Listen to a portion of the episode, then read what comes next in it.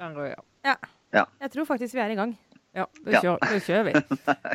Nei, men da kjører vi en eh, ny uke av Aftenpodden. Eh, Det er, eh, vi er på plass. Eh, Jeg er på en, på en hytte på Kvitfjell og heter Lars Glomnes. I studio i Oslo, tilbake fra Alpene. Trine Eilertsen Ja. Og Sara Sørheim. Vi har På en, vi har en uh, liten turnus uh, her nå, eh, Lars, som jeg har sans for. Denne her skiturnusen vår. Ja, Men Ja, jeg er ikke det med på den, så dere to kan uh, ta den turnusen. Jeg blir her i Oslo og venter på våren. Så jeg kommer til å være her i studio med mindre jeg har syke barn, som det er stor sannsynlighet for at jeg kommer til å ha. Men ja. Det er omtrent, det er din uh, turnus, da. Ja. Nei, nei, så, eh, men eh, du har vært i Alpen en tur, eh, Trine. Ja, det Fått har stått litt på ski. Åh, har stått masse på ski. Det er så gøy og fint og fantastisk. Og jeg har ikke ord.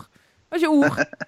men, jeg, men jeg kommer Åh, men- tilbake til saken litt senere, for jeg har, prøvd å jeg har prøvd å reflektere. Ikke mye, det skal sies. Ikke reflektert mye, men jeg har reflektert litt over et par observasjoner jeg gjorde med der nede, så jeg kommer tilbake til. men det er godt ja, at du har Ja. kommet hjem, Trine. At Ja, du er Jeg har her hel. hjem. Jeg har kommet Ja. hjem. Litt støl, Så- men glad som en, blid som en sol. Ja, og i uh, dag så går vi en liten runde innom uh, Arbeiderpartiet og innvandring. Så ser vi om det blir litt uh, internasjonal skatt, og litt, blir det litt offentlig tjenestepensjon også, Svine? Ja, så hvis noen tror at dette blir en kjedelig aftenpodden, så må de tro om igjen. Ja. Hæ? bare, Pensjon aldri kjedelig, liksom. Det er det er jo bare å glede seg. kjempegøy. Ja, ja. Nei, fordi det har jo vært en, en uke Det skjer jo stadig litt, og eh, inni dette så har det vært litt, fortsatt litt metoo, og Trond Giske er tilbake på Stortinget og alt mulig rart. Men det har jo faktisk vært litt politikk, eller eh, i hvert fall eh, Antydninger, kan vi si. eh, Ja. Fordi Arbeiderpartiet var på banen med den nye innvandringspolitiske talsmannen eh, Masud Gharahkhani. eh, Og sa tydelig fra her i forrige uke at Arbeiderpartiet skal ikke stå for en liberalisering av innvandringspolitikken. Og stilte et spørsmål til eh, Var det til Erna Solberg eller var det til Siv Jensen? Uansett. Om, John Li, nei, han uh, Limi på Stortinget. ja, når de- Når de har diskutert regjeringserklæringen òg, så var det litt sånn skal, Kan nå Frp garantere at ikke Venstre sørger for at innvandringspolitikken blir liberalisert? Det var veldig en vittig sits. For nå har Arbeiderpartiet bestemt seg. De skal være strenge, rettferdige og eh, mer eller mindre humane. Eh, denne gode rekka av, eh, av adjektiver som F- har skulle før sa de beskrive bare streng, men rettferdig. Streng, men urettferdig. Nei, men Ja. eh, det er jo tilbake til egentlig slik det var før eh, Støre hadde en liten sånn, et lite forsøk på en slags sånn intellektuell oppmykning, eller hva vi skal kalle det for noe, da han tok over som leder. Men det er jo, det er jo egentlig, er det ikke litt riktig å si at de nå signaliserer litt sånn tilbake til Pål Lønseth-dagene? Jo, for det er jo et spørsmål om eh, Det er jo et spørsmål da. Er det sånn at de nå går for å faktisk bli strengere, eller går de tilbake til den, gamle linja? Eller hvordan, eh, hvordan, hvordan peker disse kurvene, Trine? Nei, altså, eh, Innvandring er den vanskeligste saken for sosialdemokratiske partier i Europa. Og de har, de har valgt forskjellige eh, retninger, egentlig. Noen har prøvd å bli mer liberale, og det har slått fryktelig dårlig ut på meningsmålingene. I Norge har jo Arbeiderpartiet i lange perioder prøvd å ikke lage så stort nummer av den saken, sammen med Høyre, egentlig. Eh, og liksom hatt en slags konsensus sammen med, i midten om at de har en ganske streng uh, innvandringspolitikk. Og så kommer Frp i regjering, og Høyre sammen med Frp i regjering, og du får Sylvi Listhaug som statsråd, og du får en flyktningbølge. Og du får mange ting som gjør at dette blir et tema som er veldig høyt på agendaen. Og da tror jeg altså En del velgere har nok opplevd Arbeiderpartiet som utydelig i den saken. Og det, har ikke, det, det tåler ikke Arbeiderpartiet med den velgermassen de er på jakt etter. Altså Jens Stoltenberg skriver i sin bok veldig tydelig om at Arbeiderpartiet er nødt til å være tydelig på en streng, men rettferdig innvandringspolitikk. Må aldri slippe det, det ståstedet. Må aldri liksom bli tatt til inntekt for å være altså, i, det, i den myke enden, da. Eh, Fordi at Mm. de har en del eh, velgere som er bekymret for at du, at du mister kontroll på det.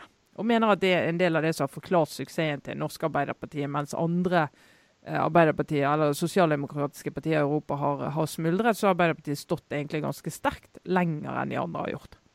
Men er det, er det uh, helt tilfeldig at uh, ja, For å si det sånn, det er mange andre ting som Arbeiderpartiet har slitt med i det siste. så akkurat uh, At det går litt sånn dårlig på meningsmålingene nå, skyldes ikke dette. Ja, det men, tror jeg er sammensatt. ja, det kan vi kalle det sammensatt. Men altså, den representerte egentlig Støre og hans nye ledelse en oppmykning eller en form for liberalisering, eller var det egentlig bare retorikk? Altså, jeg forbinder liksom Støre og det utspillet som stadig vekk eh, nevnes, ikke sant? når han sto på talerstolen og snakket om hvor mange flyktninger vi skulle ta imot fra mm. Syria. Mm. Mm. Eh, var det åtte eller var det 10 000 han eh... 10 000 han, ja. Det ble åtte til slutt. Ja.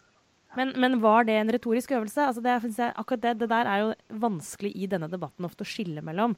Uh, og er det, så, er det, en sammenheng mellom det og at uh, Arbeiderpartiet har slitt litt i det siste trinnet? Altså hvor, liksom, hvor direkte altså, er det her? Inni Arbeiderpartiet er jo dette en genuin spenning, og det har det alltid vært. Altså Arbeiderpartiet er det partiet som uh, har størst spenn internt mellom de som ønsker en, egentlig en mykere og mer liberal innvandringspolitikk, og de som ønsker en strammere og strengere innvandringspolitikk. Og de har liksom alltid balansert for å finne Det er liksom der og på miljøet egentlig Arbeiderpartiet har noen av de største spenningene og prøver å finne en politikk som, som favner ganske bredt. Og da ser du med en gang sakene blir satt på spissen, så er det, så er det ganske vanskelig å mm. finne det rette balansepunktet. Og du får nesten kjeft uansett hva du gjør. Uh, det er mye lettere for et Frp som er helt i den ene enden, eller for et Venstre som er helt i den andre enden, å treffe sine når den saken er på agendaen. For Arbeiderpartiet er det mye mer eh, krevende å finne den rette ordbruken. da. Mm. Så blir det jo litt spennende å se da, eh, om, eh, om det er mest retorikk, eller om det kommer veldig mye konkret politikk ut av det. fordi når man ser på det Gharahkhani sa, så er det jo det er mye sånn i, Særlig på innvandringsfeltet da, så, så, virker det som det er veldig mye symbolikk og veldig mye ja, retorikk. og man har jo Noe av den anklagen mot Sylvi Listhaug har jo gått mye mindre på politikken enn på det hun har sagt og måten hun har uttalt seg. Ja, Og at hun i form uh, Og foreløpig nå så, ja. er det jo ikke så konkret det Arbeiderpartiet sier. Det er jo ikke sånn som i, i Danmark f.eks.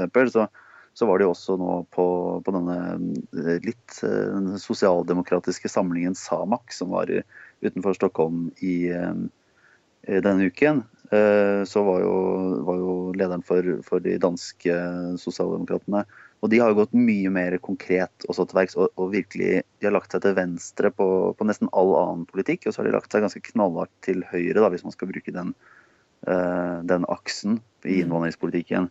Uh, og la fram en liste med sånn 15 punkter som, som innebærer Som er som vel må sies å være Det er langt ut på, på Frp-linja i norsk politikk, da. Ja, og, vel, og vel så det. Eh, og, ja. og, bare det å høre en lederen for Sosialdemokratisk parti snakke veldig sånn systematisk om ikke-vestlige innvandrere, og liksom bruke den type eh, merkelapper, om du vil, da. Det, det, har vi jo ikke egentlig for vane å høre her i Norge. Og så er jo Arbeiderpartiet er jo ikke helt der. De har jo luftet tanken om du kan opprette asylmottak utenfor, uh, utenfor Norge, utenfor Europa. Liksom prøve å ha noen sånn samlemottak der ute. som er jo det er mange som har luftet den ideen, som er en veldig omstridt idé. fordi en del faktisk tenker at da vil jo antallet asylsøknader gå rett i været, fordi at terskelen faktisk blir lavere for å oppsøke et sted der du kan, der du kan søke om asyl. Hvis du må reise helt til Norge, sånn, så det er ikke sånn, mm. det er ikke sånn kjempeenkelt. Pluss at de landene vi snakker om her, er jo ikke akkurat land som er veldig enkle å inngå avtaler med eh, om å opprette mottak og vite at folk behandles riktig og alt det der. Men, men mm, så lurte jeg på, er det sånn nå at Arbeiderpartiet får på en måte mer frihet til å foreslå dette eller, eller stramme opp retorikken uten politisk konsekvens fordi, uh, fordi regjeringen ikke kan fremme de innstrammingene som det potensielt nå ville vært et flertall for. da. Mm. Uh, mellom, mellom Arbeiderpartiet, Frp og, og Høyre, fordi Venstre er inne i regjering. Ja, altså tenker, det, det, var, det, var, opp, det er jo et opplegg til Smash fra, fra, for Arbeiderpartiet når Venstre skal sitte i regjering med Frp og lage, lage innvandrings- og asylpolitikk. Og mm. Eh, prøve å finne ut hvordan du skal begrense eller ikke begrense innvandring og familiegjenforening og alt dette. Men det er klart, Sylvi Listhaug så langt og fremdeles styrer på et forlik i Stortinget om innstramminger. Så det var brei enighet om. Arbeiderpartiet var med på omtrent alle punktene. Eh, Venstre sto utenfor nå er de inne i regjering, så at Arbeiderpartiet liksom benytter muligheten til å markere sin strenghet, om du vil, ved å peke på at Venstre er representant for en mer liberal politikk. Det er jo en, er en fin mulighet til å mm. minne om hvor de ligger i det landskapet. Men selvfølgelig, eh, det de jobber med nå i partiet, det er jo bl.a. se på innvandringspolitikken. Om den er tydelig nok, sterk nok og god nok og riktig. Fordi de ser at det var en av de tingene de ikke klarte å kommunisere til velgerne. Det var en av de tingene der de mistet tillit blant sine velgere i, i, når de skulle analysere valgresultatet. Så de må jo komme ut med noe konkret politikk Eh, men hvor det havner hen, det blir faktisk veldig spennende å se. hva det blir Interessant konkrete å se, tiltak. Ja. Om, de, om, de, kommer med noe, noe, forslag i Stortinget som de prøver å få regjeringen med på, som, som Høyre og Frp må si nei til fordi de ikke kan av hensyn til Venstre? Altså, ikke ja. kan, av hensyn til Venstre, da. Ja, det ville jo være veldig Hvis du plutselig skulle få at Venstre tok dissens på en eller annen innstramming, sånn som SV gjorde i Stoltenberg-regjeringen på innstrammingspolitikk, mens de fant flertall i Stortinget. sant? Altså, På det området der, som går litt sånn på kryss og tvers av høyre-venstre-aksen, så kan det jo skje, skje uventede ting, da. Men det er vanskelig for eh, Støre. Ser, altså, han, tok, måtte jo ut og tok, han tok jo veldig sånn tydelig avstand fra eh, sine danske venners Eh, utspill. Særlig dette med muligheten til å kunne søke asyl på grensen. Eh, som, som, han jo egentlig ganske sånn avviste ganske kontant at det var aktuelt for Norske Arbeiderparti å, å gå inn i et sånt lignende forslag. da. Så, så er, som du var inne på, Trine, er utrolig sånn balansere på en knivsegg her. At, og der har jo faktisk også det er det som gjør dette her så komplisert. at jeg er jo, og vi og du, Trine, har vært, og mange er jo kritiske til Listhaugs retorikk. Eh, men hun har jo også rett i at faktisk på innvandringsfeltet så, så har jo de signalene du sender ut, også en stor effekt. Eh, det, liksom, det, er nok riktig at det kan føre til en stor strøm av flyktninger hvis du signaliserer f.eks. en mer liberal holdning. Da. Så det, det, du må liksom passe på hva du sier av flere grunner, ikke bare pga. Uh, hva velgerne måtte mene. Samtidig som jo selvfølgelig jeg antar det er helt avgjørende for Støre å markere seg som en uh, som ikke, altså, Han vil jo ikke klistres opp til Listhaug og hennes retorikk. Så ja. Dette her er, uh, dette er skjønner jeg at det må være en skikkelig nøtt. Men det er klart Så er det jo litt, ja, det er litt gøy ja. å, å, se, å, se, Arbeiderpartiet ta litt sånn sats da, og, og i han, altså Masud uh, Gharahkhani har en politiker jeg, Det er vanskelig å si om han kommer til å på en måte, ja, Jeg må innrømme at jeg ikke kjenner han så, så godt at jeg kan, kan, gi noen sånn dom over hvilken, hvilken, type han egentlig er. Men han er, i hvert fall nå en politiker som har gått inn i den debatten med en sånn det, det, det, som virker som den fryden noen politikere har ved å være litt sånn skamløst uh, partiske. Og, og, og, være sånn uh, Ja, ikke noe Unnskylder seg ikke da for å komme med det som kan virke som av og til litt billige poenger, eller, eller bare hoppe over litt historien og så kjøre på. I, ja, men Det er noe deilig med det. Det er sånn, Nye, friske stortingsrepresentanter. alltid litt, Det er gøy med det. Men det er jo også i denne, det har jeg vært inne på tidligere i poden, men jeg må bare si at nok en gang så slår det meg hvor ekstremt vanskelig det er å bare få tak i liksom ordentlig informasjon om akkurat uh, asyl- og innvandringspolitikken og liksom konsekvenser av ulike forslag, fordi den er så politisert. Uh, og da, jeg, jeg kjenner på liksom, et behov for at flere folk må på banen i den debatten. Det, det kan ikke være bare i gåsehudene politikerne som, som, diskuterer dette i norsk offentlighet. fordi, eh, Ikke bare pga. dem selv, men altså hvordan hele denne debatten er polarisert og ganske sånn utfordrende fordi du blir plassert i den ene eller andre båsen nesten mm. uansett. Bare det å stille et spørsmål ved f.eks. hvordan kvoteflyktningsordningen egentlig fungerer. Mm. Liksom bare liksom stiller det spørsmålet i offentligheten, så blir du bam! plassert liksom langt til høyre. og og så, videre. så her ønsker jeg meg liksom flere utspill à la det som Frode Forfang eh, kom med for eh, det begynner å bli et, et år eller to siden. Altså, byråkrater og fagfolk som liksom henvender seg i det offentlige rom og sier mm. sånn Nå skal jeg komme med en så godt som mulig, i hvert fall så nøytral som mulig beskrivelse av utfordringene vi står i, og mulige løsninger. Og så er det med alle de tiltakene. De har noen, eh, noen konsekvenser som er ønsket, og så noen effekter som ikke er ønsket. Og Sånn er det nesten med alle, og de skal du veie opp mot hverandre. Og De, de nyansene der forsvinner jo ofte i, i debatten. da.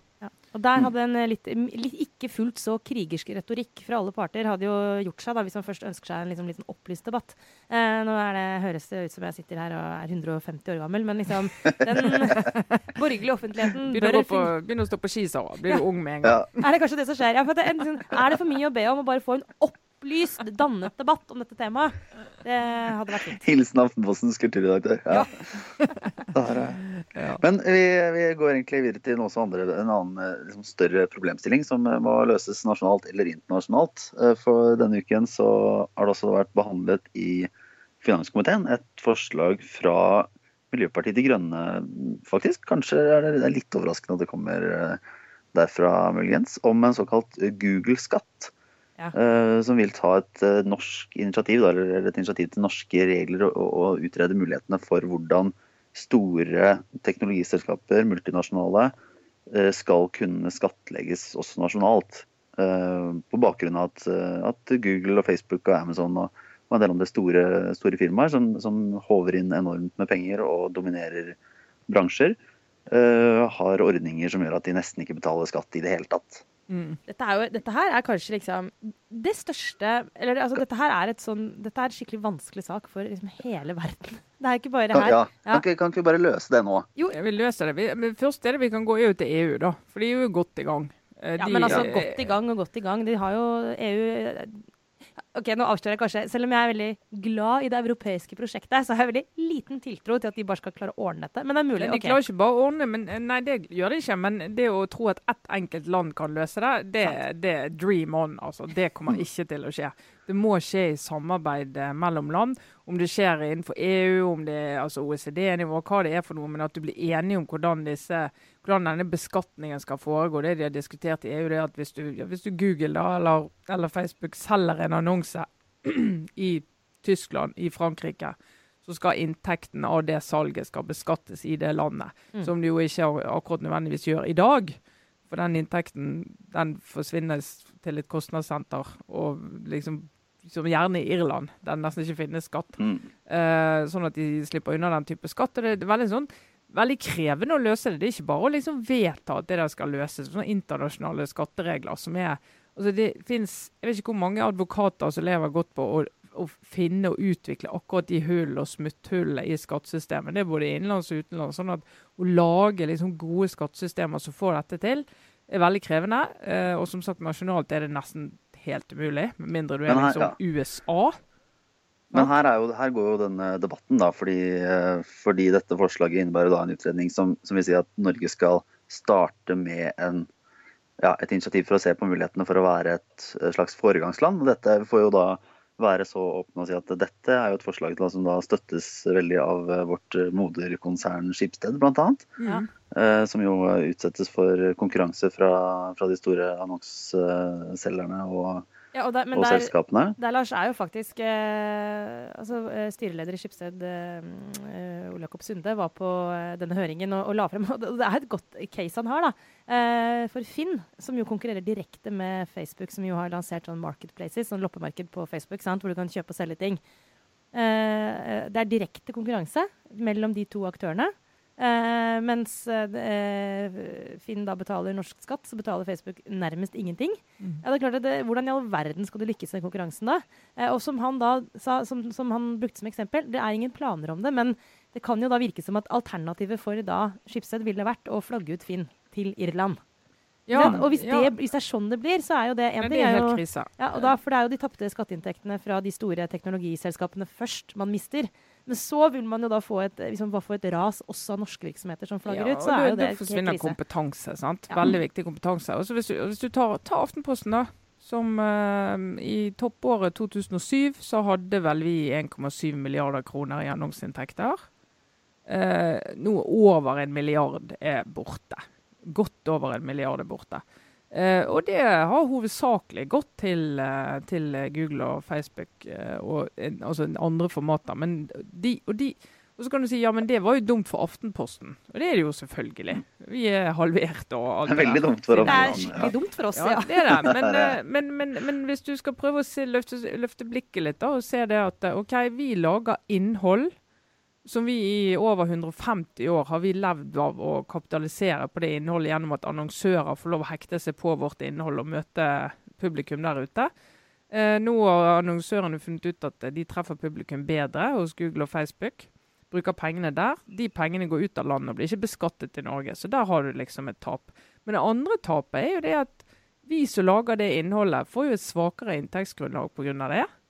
Uh, noe, mens Google og Facebook, en av grunnene til at brukerne går dit, er det innholdet vi lager. Ja. Som de møter der, og de kan søke på der, og som de møter i feeden sin der. Så det er litt sånn, uh, altså sånn Hvis vi skal være helt selvopptatte her, og dette handler jo absolutt om vår bransje, altså det skal vi ikke legge skjul på, så det er klart at det er en kjempe jeg vil ikke si utfordring, jeg vil si det er et problem. Ja, for en gangs skyld. Dette er ikke en utfordring, dette er et problem. at konkurrentene våre kan, eh, kan vokse i Norge uten den skatte, eh, skatteforpliktelsen da, som vi har, og som vi ønsker å ha. Mm. Fordi at vi ønsker, Alle vi bor jo her, vi ønsker jo å bidra til at vi har veier og skoler og kan utdanne nye journalister og nye teknologer. Folk kan jobbe her. Det skal jo betales på en eller annen måte.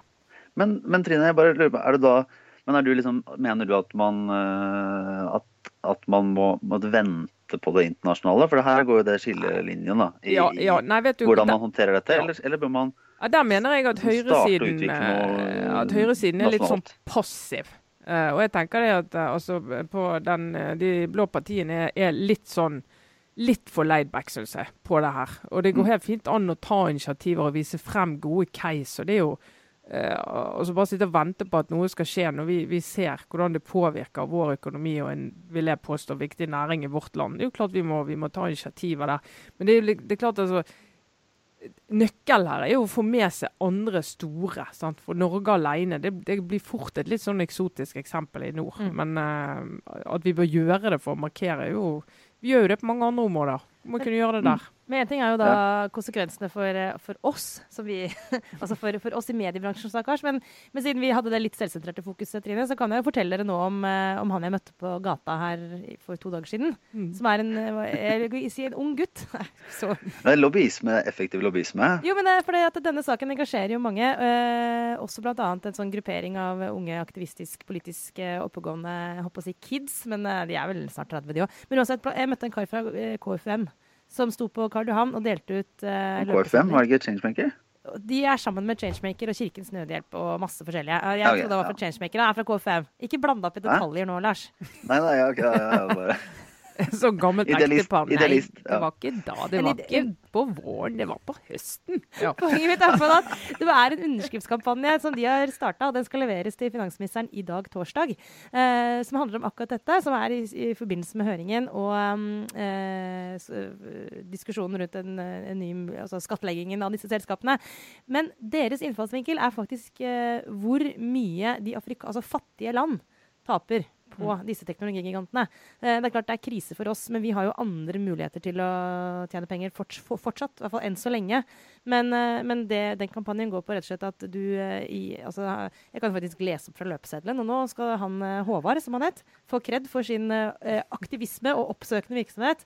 Altså eh, Skatteinntekter hvert år fra disse teknologiselskapene kunne finansiert 1132 helsesentre og 114 nye sykehus i Kenya. Ja, men- Så men- all ære til, eh, til folk som også ser altså, konsekvensene for andre enn oss sjøl. For at det er jo, som jeg var inne på i stad, det er rett og slett eh, Vi må sannsynligvis bidra til løsningen, men de som virkelig trenger det, er jo de som faktisk da blir fullstendig, unnskyld uttrykket, rævkjørt av, eh, av disse selskapene. men her er det jo selvfølgelig den andre siden av det er jo at en del av de landene vi her snakker om, de har jo ikke noe skattesystem som kan ta vare på disse pengene. Og de er korrupte. Og de pengene som eh, mot formodning skulle komme inn i statskassen, de kommer så vidt innom statskassen før de går i noens sine lommer. Og dette ble ganske godt illustrert eh, gjennom Panama Papers. og som vi i Aftenposten syslet med en god tid. Og så forsvinner de ut av landet igjen til eh, skatteparadis, der de slipper å skatte for det, og der de kan sylte de ned og uh, lure unna penger fra sin egen befolkning. Det blir ikke noe det blir ingen eh, sykehusplasser, det blir ikke skoleplasser. Det blir ingenting av det. Sant? Sånn at de systemene de, de, de evner ikke engang å ta imot de pengene. Sant? Så her er det, du må begynne å jobbe fra så mange kanter for å greie å få til en ordning der de pengene havner der de skal havne, og der de skal, kan gjøre godt. da. For der er det ikke noe offentlig tjenestepensjon som fungerer sånn som i Norge, Trine. Bra overgang. Nydelig overgang. Ja, nei, dette er dagen eh, Hvis noen syns det har vært mye fjas, så er dette ikke dagen. For eh, her går vi rett inn i de tyngste sakene. Det, det fine er, Vi kan jo røpe fra vår lille planlegging, da, som har vært kanskje litt sånn eh, litt kortfattet denne uken. Fordi du har vært i Alpene og jeg på, på fjellet og uh, alt mulig rart. Uh, men i vår lille sånn WhatsApp-gruppe så kom det bare inn, og vi diskuterte litt temaer i morges. Sånn ja, og så må vi snakke litt om offentlig tjenestepensjon, sa Trine. Og til det så hadde vel verken Sara eller jeg noe annet enn et Ok. Ja, okay. Ja, selvfølgelig, sa dere da. Som de. Ja, Eller som vi pleier å si, du må gjerne snakke om det. Scenen er din. Men, du, men for overbygning, da. Det vi snakket om nettopp nå, det er inntektssiden av statsbudsjettet. Få inn skatteinntekter. Og det jeg skal snakke om nå, det er utgiftssiden av statsbudsjettet. Vi må ha inntekter for å kunne bære utgiftene, blant annet. Jeg liker at du legger deg på sånn barnehagenivå, Trine, når du skal Ja, det, det- er nødvendig. Ja, men altså, det så, det er er det gode grunner. Ja. Nei, men i 2008 så vedtok jo Stortinget mm, pensjonsreformen, som er det Jens Stoltenberg er mest stolt av fra sine åtte år som statsminister. At han fikk, eh, fikk være statsminister og loset det i havn. Veldig viktig reform med tanke på det som altså Hvis du leser ett ord som går igjen i regjeringserklæringen nå, så er bærekraftig velferdsstat. Og en robust en. Eh, Det robuste er de ferdig med, nå er det bærekraftig Er det det? som gjelder. Dette har vi gode analyser på. Hilsen Solveig Ruud. Ja. Eh, Men, da, men da er det, og hele poenget her er jo at disse fremskrivingene som var så omstridte uh, under SSB-diskusjonen, hvor mye er det i disse fremskrivingene? Noe kan vi fremskrive, og det er hvor mange eldre vil vi være sånn noenlunde om 10, 20 og 30 år. Hvor mange yrkesaktive vil vi være med det vi vet i dag, noenlunde om 10, 20, 30, 40, 50 år. Uh, og hvor mange er det som skal altså finansiere hver pensjonist. Hvor mange er det som er i jobb skal finansiere hver pensjonist? Og vi, vi si, og ikke minst våre barn, vi blir færre og færre. Hver av oss som jobber, skal bære flere pensjonister på ryggen. Og hvis vi liksom ikke gjør noe, hvis vi ikke hadde gjort pensjonsreform den gangen, som begynte fra 2011, eh, så hadde det blitt en stor glipe i eh, vår offentlige, offentlige Ja, og- regnskap, om du vil. da, fordi at utgiftene ville ville vært for store vært for dyr og inntektene for få. for få for og for lave. Ja. hører at den måten du uttalte ordet 'glipe' på, det var sånn, for det er ikke en bra ting. Glipe er ikke bra. Glipe er ikke bra. Nei, det er vi imot. Men, eh, og da, men så har jo eh, privat sektor og offentlig sektor hatt forskjellige pensjonsordninger. Så det vi fikk løst i 20, 2008 og så fra, gjaldt fra 2011, det var privat sektor. Offentlig sektor fikk vi ikke løst den gangen, og det var en av de tingene som i hvert fall noen av oss mente at den regjeringen som tiltrådte 2013, burde ha gått i gang med med en eneste gang. Og det gjorde de jo, men de ga opp. Mm. De ble liksom i skurr med partene, og de ga litt opp. Og det mener jeg er et av de store nederlagene til den eh, blå regjeringen de fire første årene, at de ikke greide å få mer sving på det. Nå har Anniken Hauglie hun har gått i gang igjen. Begynte i høst og sier OK, nå, nå, nå skal det skje. Nå må det skje. Nå er vi nødt til å få en nå må vi også få en, en eh, reform i offentlig sektor som gjør at vi får flere som jobber lenger. Som gjør at vi kan justere for at folk lever lenger. Og som også kan motivere flere rett og slett til å, å jobbe heltid, f.eks. Men med en gang du begynner med en del sånne endringer, så blir det sånne spenninger mellom høyt utdannede eh, som har studert lenge og begynner å jobbe seint, og mellom lavt utdannede og deltidsarbeidende. fordi at noen av dem vil tape, noen vil vinne. Så det er en veldig utrolig krevende diskusjon. da. Men den er, de, den er de i gang med nå, og den, den må landes. den må landes. Men det kommer jo til å bli, da, da ser jeg for meg at eh, vi må en runde via eh, en diskusjon om rasering av velferdsordninger osv. Fordi det vil jeg bare tro. Jeg vil Ja, tro at men, men det Anniken Hauglie har gjort, da, så går det an å diskutere. altså Noen av oss tenker jo at ja, ja, hun må jo si det. Men jeg tror nok det er noe klokt å si det. Hun sier at ikke, vi gjør ikke dette nå for å, for, eh, som en sparereform. altså At vi liksom skal kutte i, i fordeler. Men, men det er jo en del som vil oppleve det likevel. Altså Bare det at du altså alle årene du jobber, skal telle. mm. Eh, gjør at hvis du studerer lenge og begynner å jobbe seint, så får du liksom færre år som teller enn hvis du begynner å jobbe tidlig. Mm. Uh, en sånn ting. Men, men, men likevel så har hun liksom gått inn i det og sagt vi gjør ingenting hvis ikke partene er enige. Sant? Norske gylne modellen. Mm. Partene i arbeidslivet og er interessert i dette her, med litt sånn forskjellig innretning. Men de har en veldig sånn altså konstruktiv tone. Da. Og en av grunnene til det er jo at de ser at hvis du jobber i offentlig sektor, og går av, slutter av når du er 62 f.eks., så kan du ikke jobbe mer videre i privat sektor, fordi det er, for, det er både for dyrt å ansette deg, og du får avkortning i pensjonen. Og det er ikke bra. Altså, Du skal kunne jobbe videre, akkurat som folk i privat sektor skal kunne jobbe lenger. Uten å tape pensjon på det. For det har faktisk vært et litt sånn gullgrep i privat må, sektor. Da. hvis du må velge, Trine, if you really have to, hva håper du aller aller best at liksom blir landet helt fullstendig gjennomført i neste, i neste regjeringsperiode av liksom kommunereformen. Regi jeg kan ta med de og regionsreformen i samme, liksom? Det Er ikke så, det er ikke så er farlig. ikke så farlig, vi driter i den. Eller, eller eh, denne, dette med offentlige tjenestepensjon. Altså, Hva pensjonsreform, er viktigst? pensjonsreform er viktigst. OK, det er Ja, viktigere enn er kommunereformen. Ja, ja, ja. Det, det, pensjonsreform er veldig, veldig viktig. OK, da vet vi det. Nett, ja. Nei, men, ja. og så Nei, men går vi nå, altså, Han sitter på fjellet, så han har ikke helt kontroll med klokka heller. Men jeg tror vi skal gå til en liten runde med obligatorisk refleksjon. du følte for det, eh, Hva man tar med seg inn Ja. i helgen for dere som ikke skal bare stå på ski. Ja. Ja. eh, jeg kan begynne. Fordi jeg, har Mhm. ikke så, jeg har jo ikke rukket å Altså, jeg hadde tenkt å komme med masse, en sånn skikkelig godt forberedt uh, OR. Eh, det rakk jeg selvfølgelig ikke. men, men jeg kom med en sånn metarefleksjon, på en måte. For eh, jeg har prøvd å lese meg opp på Jordan Peterson. Vet dere, har, ringer det en bjelle når jeg sier det navnet Det Altså, kan, kan jeg, jeg kan komme med min sånn eh, Kan du rette på deg? Er han en sånn halvamerikansk altså amerikansk halvpredikant, eller noe sånt? Ja. Altså, på en måte, altså, han, er, han er psykolog. eh, Han er eh, kanadisk psykolog og professor. Så det var sånn Okay, da, Men- det var egentlig ingenting Jo da. av det det, var jeg, ikke- det sa. Det var ikke så dumt det du sa likevel, skjønner du. Fordi han har fått en sånn predikantaktig rolle.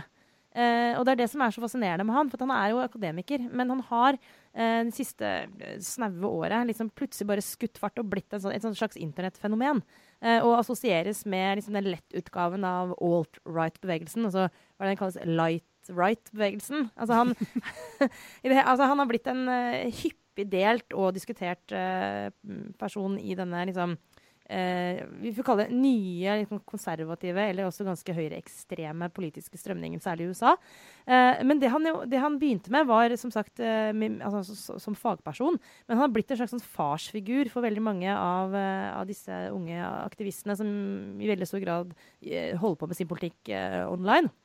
Nå er han ute med en ny bok, og det er faktisk en slags sånn selvhjelpsbok. Eh, altså hvordan man skal leve livet sitt. Eh, og, og der er han liksom predikantaktig, Lars. Og han legger ut Ja. utrolig mye på nettet og har en YouTube-kanal med liksom en halv million følgere. Hvor han liksom eh, kommer med litt sånn faglige og ganske sånne lange og kompliserte utlegninger. Og så plutselig er han litt mer sånn selvhjelpsaktig og kommer med sånne ganske sånn jeg vil si nesten, Det er ikke så langt unna de memene eller hva det heter for noe, de der plakatene som uh, en del livsstilsbloggere liksom legger ut på Instagram. Du vet, sånn, sånn bilde med en soloppgang så står det sånn uh, Dette er første dagen i resten av ditt liv. Gjør den så god som mulig. Ja. Altså, vi er litt der.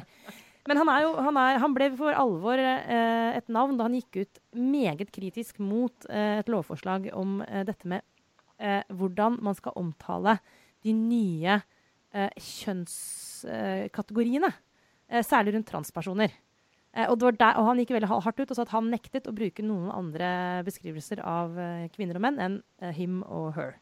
Eh, og så var det, ja, Jeg skal ikke prøve å redegjøre for den diskusjonen som fulgte, men han har blitt av det veldig sånn assosiert med deler av alt-right eller alt-light-bevegelsen.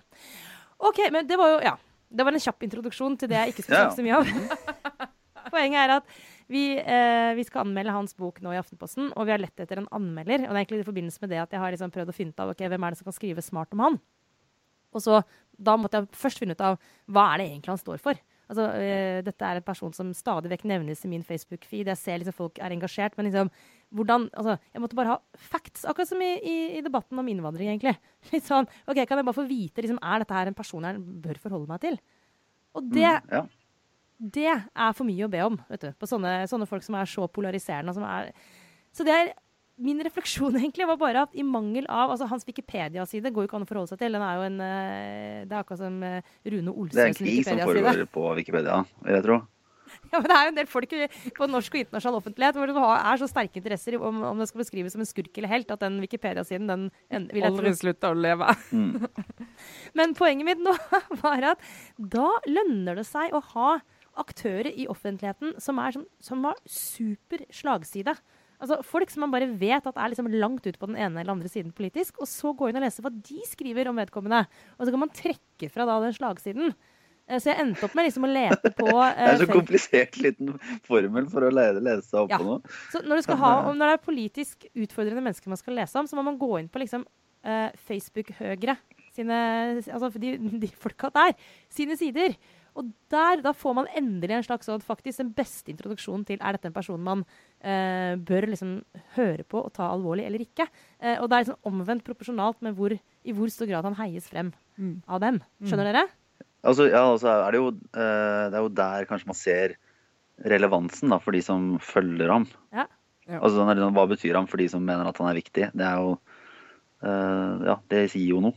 eh, annet enn en sånn nøktern beskrivelse av hans eh, biografiske fakta. Det er bare en sånn vilt komplisert offentlighet. Altså det er, det, hvis vi først skal liksom klare å finne ut av altså Hvis vi skal ta stilling, da. Hvis man går inn og tenker sånn Nei, nå skal jeg ja, Selvfølgelig. Alternativet er jo faktisk å lese boka, da. Eller det, det, ja, det vil jeg være. det er jo det vi skal hjelpe folk til å vurdere. Da. Det er jo derfor vi har anmeldere. Ja. det?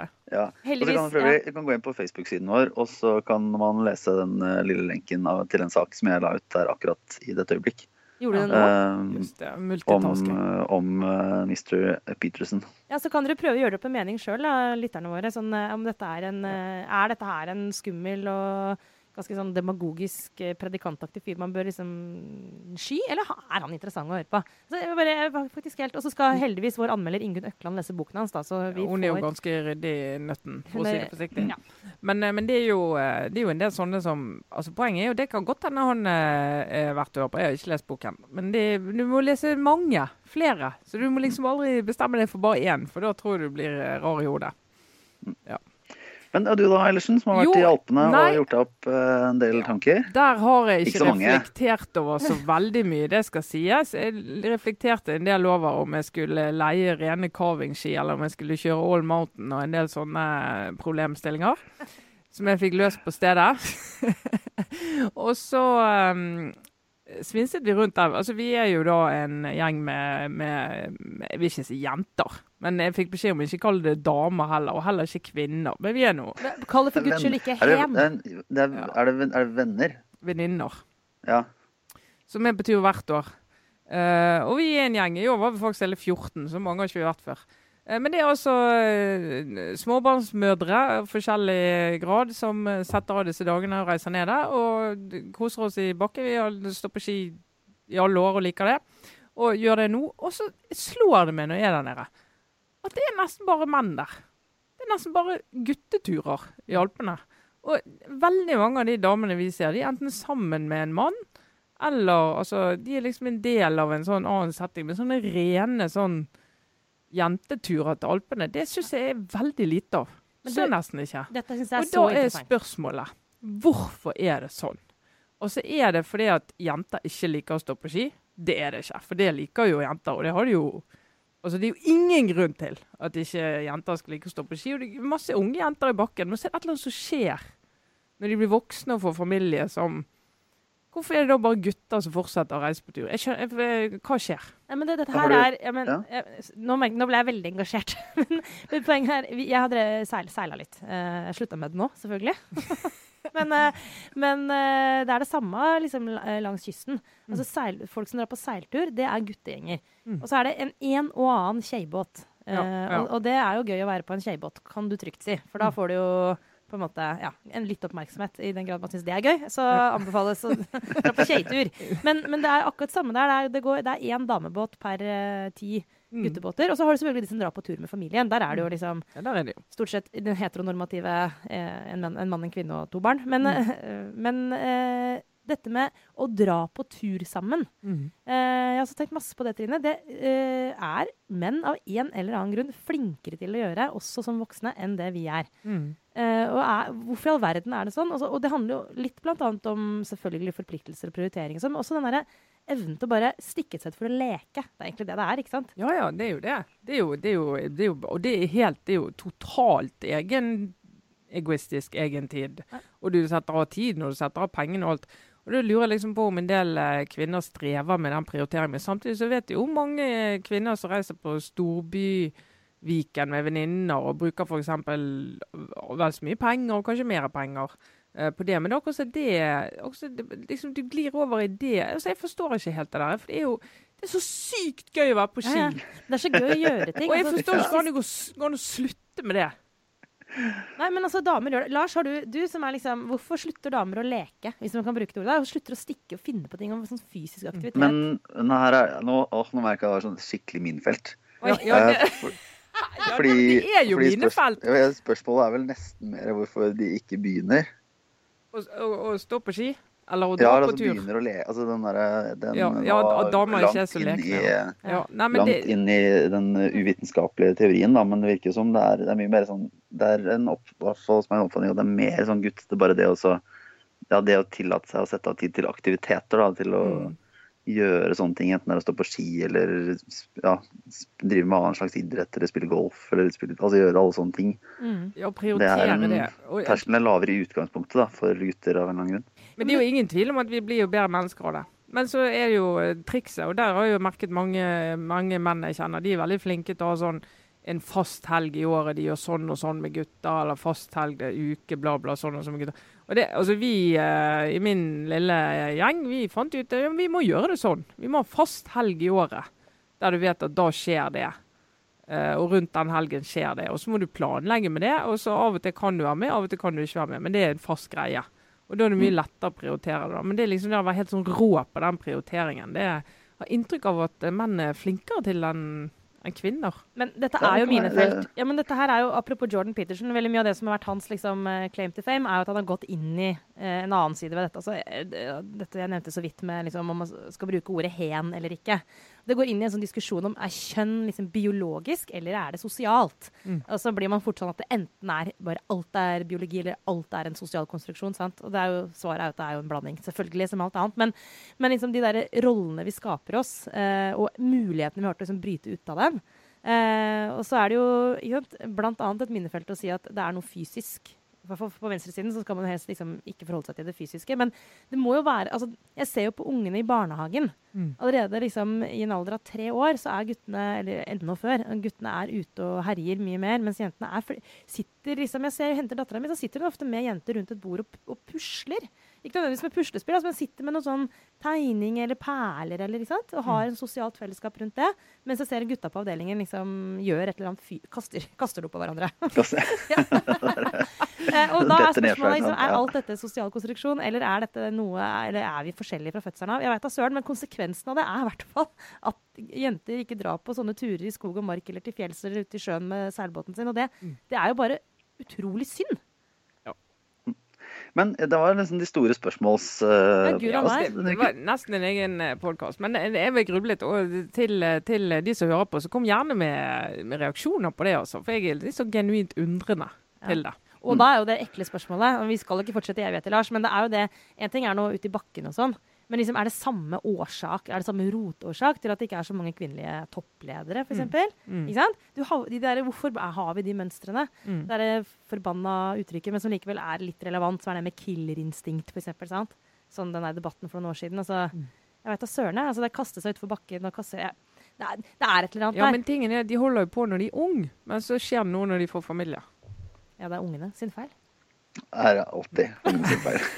Enn du da, Lars? Nei, jeg skal, nå skal jeg ta det jeg, har, jeg skal ta det ganske kort. Egentlig har jeg en, jeg har en bekymring i forlengelse av denne eh, Elon Musks oppskytning av denne Ja, Teslaen som skal gå i bane. Ja, men du, har det, Fordi- det, Unnskyld at jeg avbrøt deg nå, men det fins ikke Ja. noe mer guttete enn å skyte en, en bil du har lagd sjæl ut i verdensrommet med verdens største rakett som skal gå i sirkler ut i jorda. Det er sånn Vis meg én kvinne som ville gjort det, liksom. Det, det tror jeg ikke fins. Men det, ja. Ja, nei, jeg, bare helt kort så er jeg bekymret for sånn eh, space junk. eh, fordi at eh, det ligger så mye søppel i- bane rundt verden. Og hvis det blir for mye, så kommer det til å gjøre det helt umulig å Kanskje gjøre det helt umulig å, å sende opp nye satellitter og drive annen sånn romaktivitet. Og Derfor så er jeg litt sånn skeptisk til å sende ut en bil, for den kommer jo bare til å krasje et eller annet og falle fra hverandre, og så har du 100 000 deler av en Tesla eh, sendt rundt jorda i kjempefart som skaper eh, drit. Men eh, av de alle de store spørsmålene som egentlig har plaget meg mest det siste døgnet, er en sånn en liten quiznøtt som jeg tenkte å påføre dere og alle andre. Eh, Så det spørsmålet er rett og slett en liten sånn geografigreie som har vært et helvete. Eh, For det er fire land i verden hvis navn er en del av navnet til fire andre land.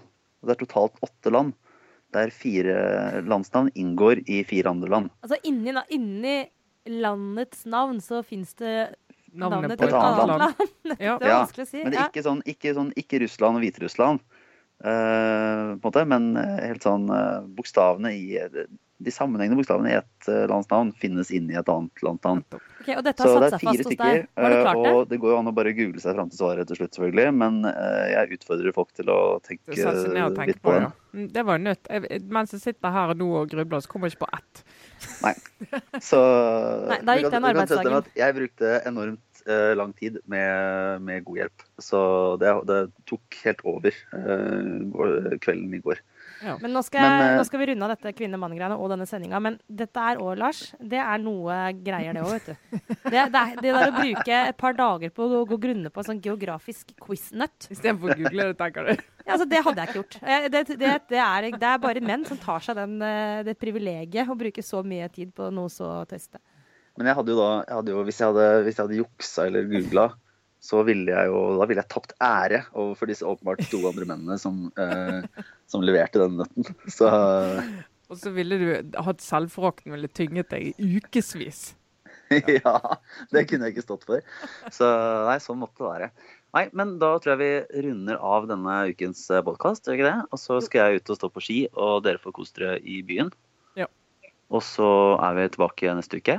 Det var altså meg, Lars Glomnes, her på Kvitfjell. Og så var det Trine Eilertsen og Sara Sørheim i Oslo. Ha det bra. Ha det. Ha det!